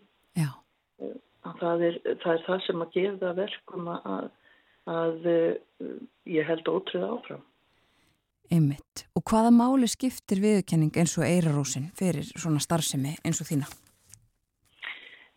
Eirarósin skiptir auðvitað algjörlega megin máli. Þetta er, þetta er náttúrulega svolítið stór og flott viðkenning svona lands, landsvísu því að þó að auðvitað ég fái viðkenningu hér heima alla daga þarf ekki annað en að skreppa át í búð og þá far maður klapp á bakið og, og þökk fyrir það sem maður er að gera fyrir bæjarfélagi. En þá eru svona stærri og ofinberari viðkenningar uh, svo mikilvægar, ekki, ekki bara fyrir alþjóðhúsið, heldur líka bara fyrir allt samfélagið í kring. Að finna það að, að það sem við erum að gera hérna á norður hjara veraldar sé metið að, að verleikum og þegar að viðkenningar fást eins og, eins og þessi þá náttúrulega uh, vindaður upp á sig og það skapast alls konar tækifæri í kjölfærið af því mm. og fólk uh, lítur meira til þess sem hefur verið að gera uh, fólk fyrir að hugsa um já allþjóðs á syklufjörðu þá fer það kannski að skoða hvað hefur verið hérna í gangi og, og ekki bara eins og ég segi ekki bara með alþjóðsi þá fyrir fólk að hugsa líka já þá væri nú kannski gaman að skreppa á Siglufjörð eða, eða skreppa norður og, og kíkja á þetta alþjóðs og, og annað sem er að gerast í bæfélaginu. Þannig að, að þetta er auðvitað, þetta er ómetanleg viðkenning og hvað varðar listir og, og sem sagt framlag til lista þá er þetta náttúrulega uh, svo bráðnöðsilegt að bæða vekja aðtikla á listónum en líka að fá peningana inn í, inn í starfið. Það náttúrulega er auðvitað svo stór hluti að þessu. Já. Nú er, nú er eirarósar vinningurinn orðin uh, tölverð upphæð sem að svona, já það er að gera ansi vel fyrir þann pening og það er nefnilega það sem er að þegar að settur er peningur í menningu þá markvaldast hann, markvaldast hann og skila sér alveg tífalt tilbaka í samfélagið. Já, eins og þú segir að uh, fólk fer að velta fyrir sér uh, þeim sem að hljóta svona viðkynningu og einmitt uh, kannski gera sér ferðunorður og, og, og það hefur áhrif á allt samfélagið þarna eins og þú segir. Já, okkur. En eirarósin er ekki alveg ókunnum hérna á Siglufjörði. Það er nefnilega þannig að, að ég var sem barn hér í stúkufélagi sem að skólastjórn Jóhann Þorvaldsson stóð fyrir og hétt Eirarósin. Já, innmitt. og, og síðan hefur Eirarósin komið áður á Siglufjörn í þjóðlaga háttíðin var, var sem sagt fyrsta verkefni sem að hlaut Eirarósina. Akkurat, já, þjóðlaga háttíðin á Siglufjörn. Já innmitt og hún uh, verður vantanlega haldin í sumar eins og uh, venjulega. Já, já, hún er alltaf haldin fyrstu helgina í júli. Akkurat, innmitt. En sko, þú sagðir það, uh, þú færð viðkenninguna á hverjum degi ásökluferði, klappa á bakið í búðinni og svona um, og eitt af markmiðunum er það ekki með þessu öllu saman er einmitt að gera menningu og listir að hluta af hverstegi bæjabúa. Ég las það las það um, um, um alþýðuhúsið og gott að það var ekki tekið fram líka í, í umsögninni. Uh, segð okkur aðeins frá því, svona aðeins nánar, þessu með að, að listin sé bara hluti af hversteginum hjá fólkinu á Siglufjörði. Já, og þetta ekki bara Siglufjörði, alltaf við, við gerum okkur ekki alveg grein fyrir því hversu mikið við erum að nota listir alla daga. Að það er eh, stundum, það vil heyrast svona í samfélaginu að listir séu kannski bara Eh, fyrir einhver að fáa eh, svona áhuga mál einhvers eh, fámenns hóps sem hefur gaman að koma saman og drekka, drekka rauðvín. Það, það er auðvitað alls ekki þannig því að listir kom okkur öllum við og, og við erum að lifa öll með listum alla, alla daga. Það væri ansi snauður heimurinn ef, ef við værim ekki með uh, allt það sjónræna eða, eða hérna, bókmyndirnar eða eða tónlistina sem við öll lifum við En hér á Siglufyrði þá stemdi ég mitt að því að koma svona listunum út til almennings þannig að, að fólki fyndist þessi málaflokkur koma sér við og líka að það eh, fengi tækifæri til þess að njóta þess svona í, á svona eh, levandi máta með síningum og tónleikum og löðarestrum og, og öllu sem því við kemur. Já. Ég er svona reyndað eh, hérna, þetta, það, það er reyndað uh, alveg alþægt allstaðar sem verið er að reyna eða verið er að uh, sagt, tefla fram listum að ofta er það heima fólk sem er svolítið lélegt við að sækja viðburði. Já. Og þetta, þetta er erfið róður og verð, þetta verð, vil oft verða bara sami hópurinn sem kemur aftur og aftur og uh, þess vegna hef ég svona verið að reyna líka að uh, uh, tengja fólk inni í viðburði í alþjóðsunu. Ég býð auðvitað alltaf fólki hér á sæðinu til að taka þátt í, í viðburðum og, og, og, hérna svona alls konar smiðjum hér í, í bænum og uh, ég beinlýnis sendi listamenn og list, listnema uh, í heimsóknir til fólks hér í bænum svona til þess að fá að báða bóa uh, sem sagt uh, frettir af uh, hvernig lífið er á svona staðins og syklufyrði og svo geta gæltinnir uh, fært frettir af, af því hvernig lífið er annar staðar. Þannig að svona tengist fólk og, og verða, verður jáfnvel til vinskapur sem að, að heldur áfram í ára raðir og síðan auðvitað auglísi ég hér út um allt og, og, og er auðvitað gangandi auglísing sjálf fyrir það sem, að, það sem að er að gerast hérna. Og fólk er, sko það er nokkuð duglegt við að, að koma þeir svona, svona næri umhverfið þau eru nokkuð dugleg við, við að koma og njóta þessum er því að uh, því það aðalatrið er auðvitað að koma og njóta og upplifa. Og, en margi segja við mig eins og ég segi, ég fer í búina og það klappar bakkið á mér og segir þakka þér fyrir það sem þú ert að gera. Eh, við komum nú ekki oft sjálf en við sendum alltaf gestin okkar. Þannig að fólk, fólk er mjög stolt af því og ánægt með það að búa í bæjarfélagi þar sem, sem er ríkt af menningu og geta, þó það væri ekki annað en að segja gestunum sínum þið geti, þú veist, ef þið komið á syklufjörð þá getið þið farið og skoða þetta og séð þetta og upplifa þetta Þannig að, að fólki finnst og það er alveg uh, sannan mál og að öll samfélög, uh, sem sagt, uh, fólk sem býr alveg saman hvað það er, er alltaf stoltara og ánæðara með að búa á sínu svæði ef það er ríkt af menningu. Já. Þannig að, að það þannig kemur þetta inn en síðan eru þetta hjálpseminn og, og alls konar stuðningur, hvort sem að er með rækjur eða eða uh, nokkar hendur sem þarf til þess að ferja dót eða, eða einhver stundum kemur upp á að, að ég man eftir því eitt skipt þegar Magnús Pálsson var að, að gera gjörning hérna í alþjóðsunu að þá vant að hann skindilega 12 gamaldags réttvélar og þá var farið að stað í síman og ringt og, og, og reynd að redda fyrir Magnús fyrir, fyrir gjörningin Þannig að og þá koma bæjarbúa til og eru mjög Eh, sko eh, gladir með að geta tekið þátt í starfseminn á þennan máta að, að bjarga alls konar hlutum sem að, ofta tíðum þarf að bjarga svona á síðustu stundu. Já, þannig að þeir styðja við svona með, með ymsum hætti. Já, það gera þannig blá og, og ég er rosalega þakklátt fyrir það, mér finnst það alveg frábært. Já, og þakklættið gagkvæmt hjá íbúin. Já, já, ég hugsa það nú. Það eru líka, það eru stórar háttíðir hérna eins og uh, ég er nýbúin að vera hérna með um páskana, listaháttíð sem að heitir leysingar. Já. Og þá að leysingum koma þá lista, eh, kemur listafólk allstaðar, allstaðar að og þetta er þryggjadaga háttíð og sem að bæja búa að nýta sér að koma á með, og með gestina sína. Og núna eru við að undibúa uh, stóra listaháttið sem heitir Frjó og verður um miðan júli og svo háttið hefur vaksið út fyrir alþjóðhúsið, út fyrir veggja alþjóðhúsins á undanveitum árum og er að verða bara allsæriar e, listaháttið í fjallabegð Já. Þannig að það er mikið sem stendur til. Já.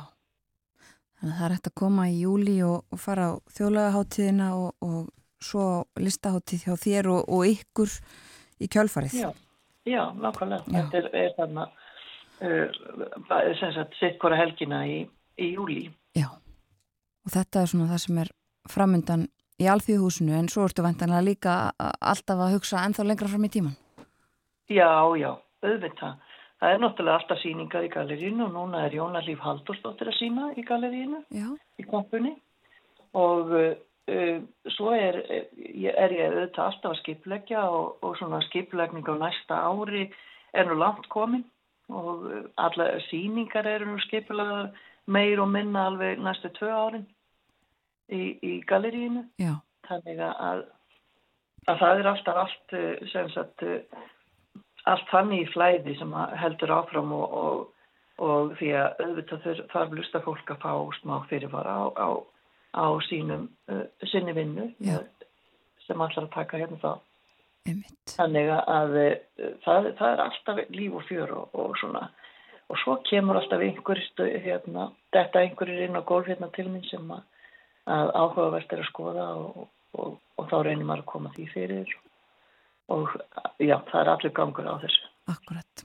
Og einhver staðar á milli allar þessara vinnu þá finnur þú líka tíma til þess að sinna þinni eigin listsköpun. Já, það er nú eiginlega, þetta gengur nefnilega allt svona mjög vel saman. Já. Ég, hérna, svona þegar ég fer að skipleggja árið, þá byrjaði ég að leggja með mína eiginvinnu, hvernig hún er, og síðan skipleggst sko starfið alþjóðsinu eiginlega í kringum það. Já. Þannig að, að ég svona með árunum, alls um tíu árum sem ég hef verið að, meðla menningu hérna á Siglufjörði, uh, þá uh, uh, hef ég lært hvernig þetta gengur allt saman sem best saman. Og núna er ég til dæmis að skipleggja stóra síningu sem á opnar í menningahúsinu Hófi á Akureyri, uh, núna 27. mæ. Já. Þannig að ég er að, ég er að vinna, vinna í það og síðan, síðan er ég að taka þátt í samsýningu á listasafninu á Akureyri sem opna 3. júni og síðan er ég að fara í heljarina mikið verkefni. Frúin er að verða 60 í sumar. Já. Já, og ég hef nú svona, eh, ég hef haldið mjög veglega upp á þessi stóramæli mín. Ég held 40 síningar í 14 löndum þegar ég var festug. Ég held 50 síningar í 5 löndum þegar ég var 50 og núna er ég að verða 60 og ætla að fara með 60 gjörninga á 6 dögum ringin í kringum landið. Vá.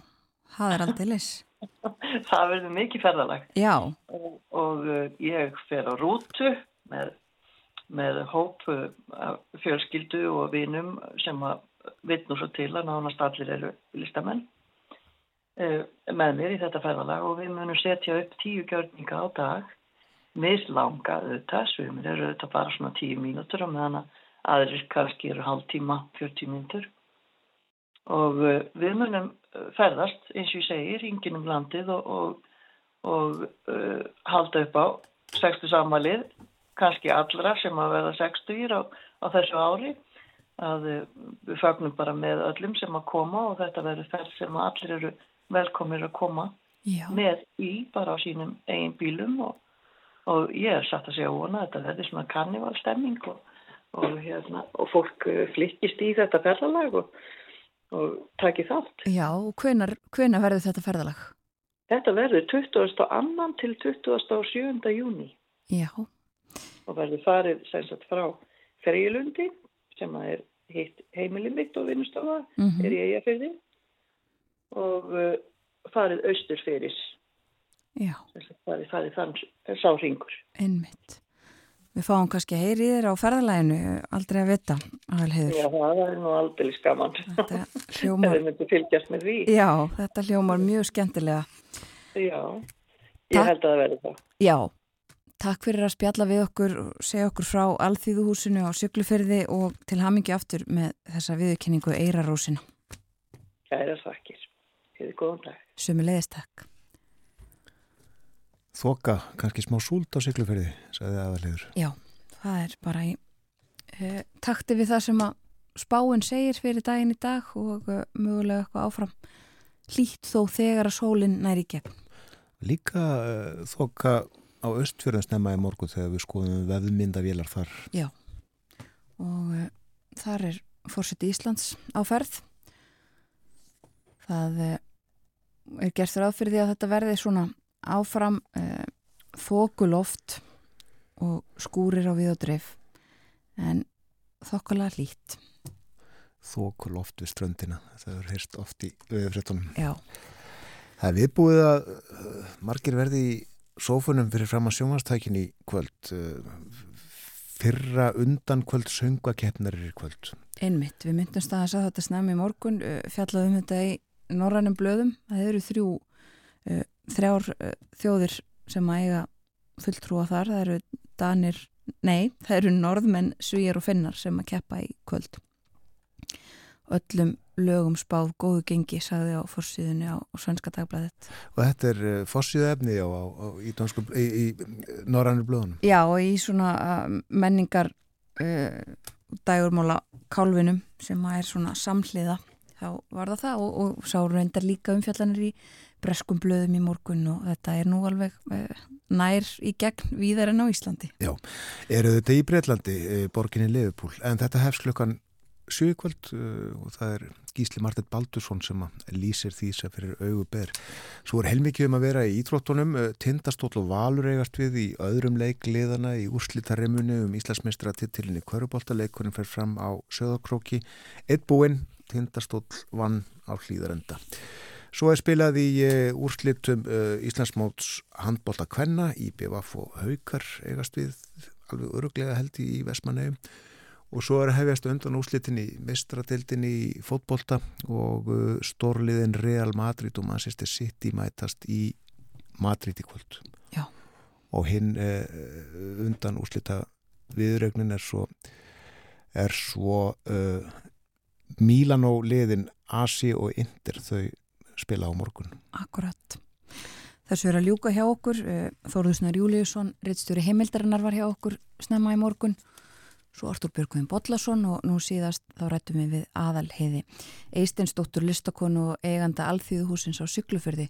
Hún var að hljóta, eða þar segja húsið, hlaut eh, Eirarósina, menningar viðkenningu. Ég ætlar rétt að segja hérna frá loka orðunum í umsögninni um alþýðuhúsið.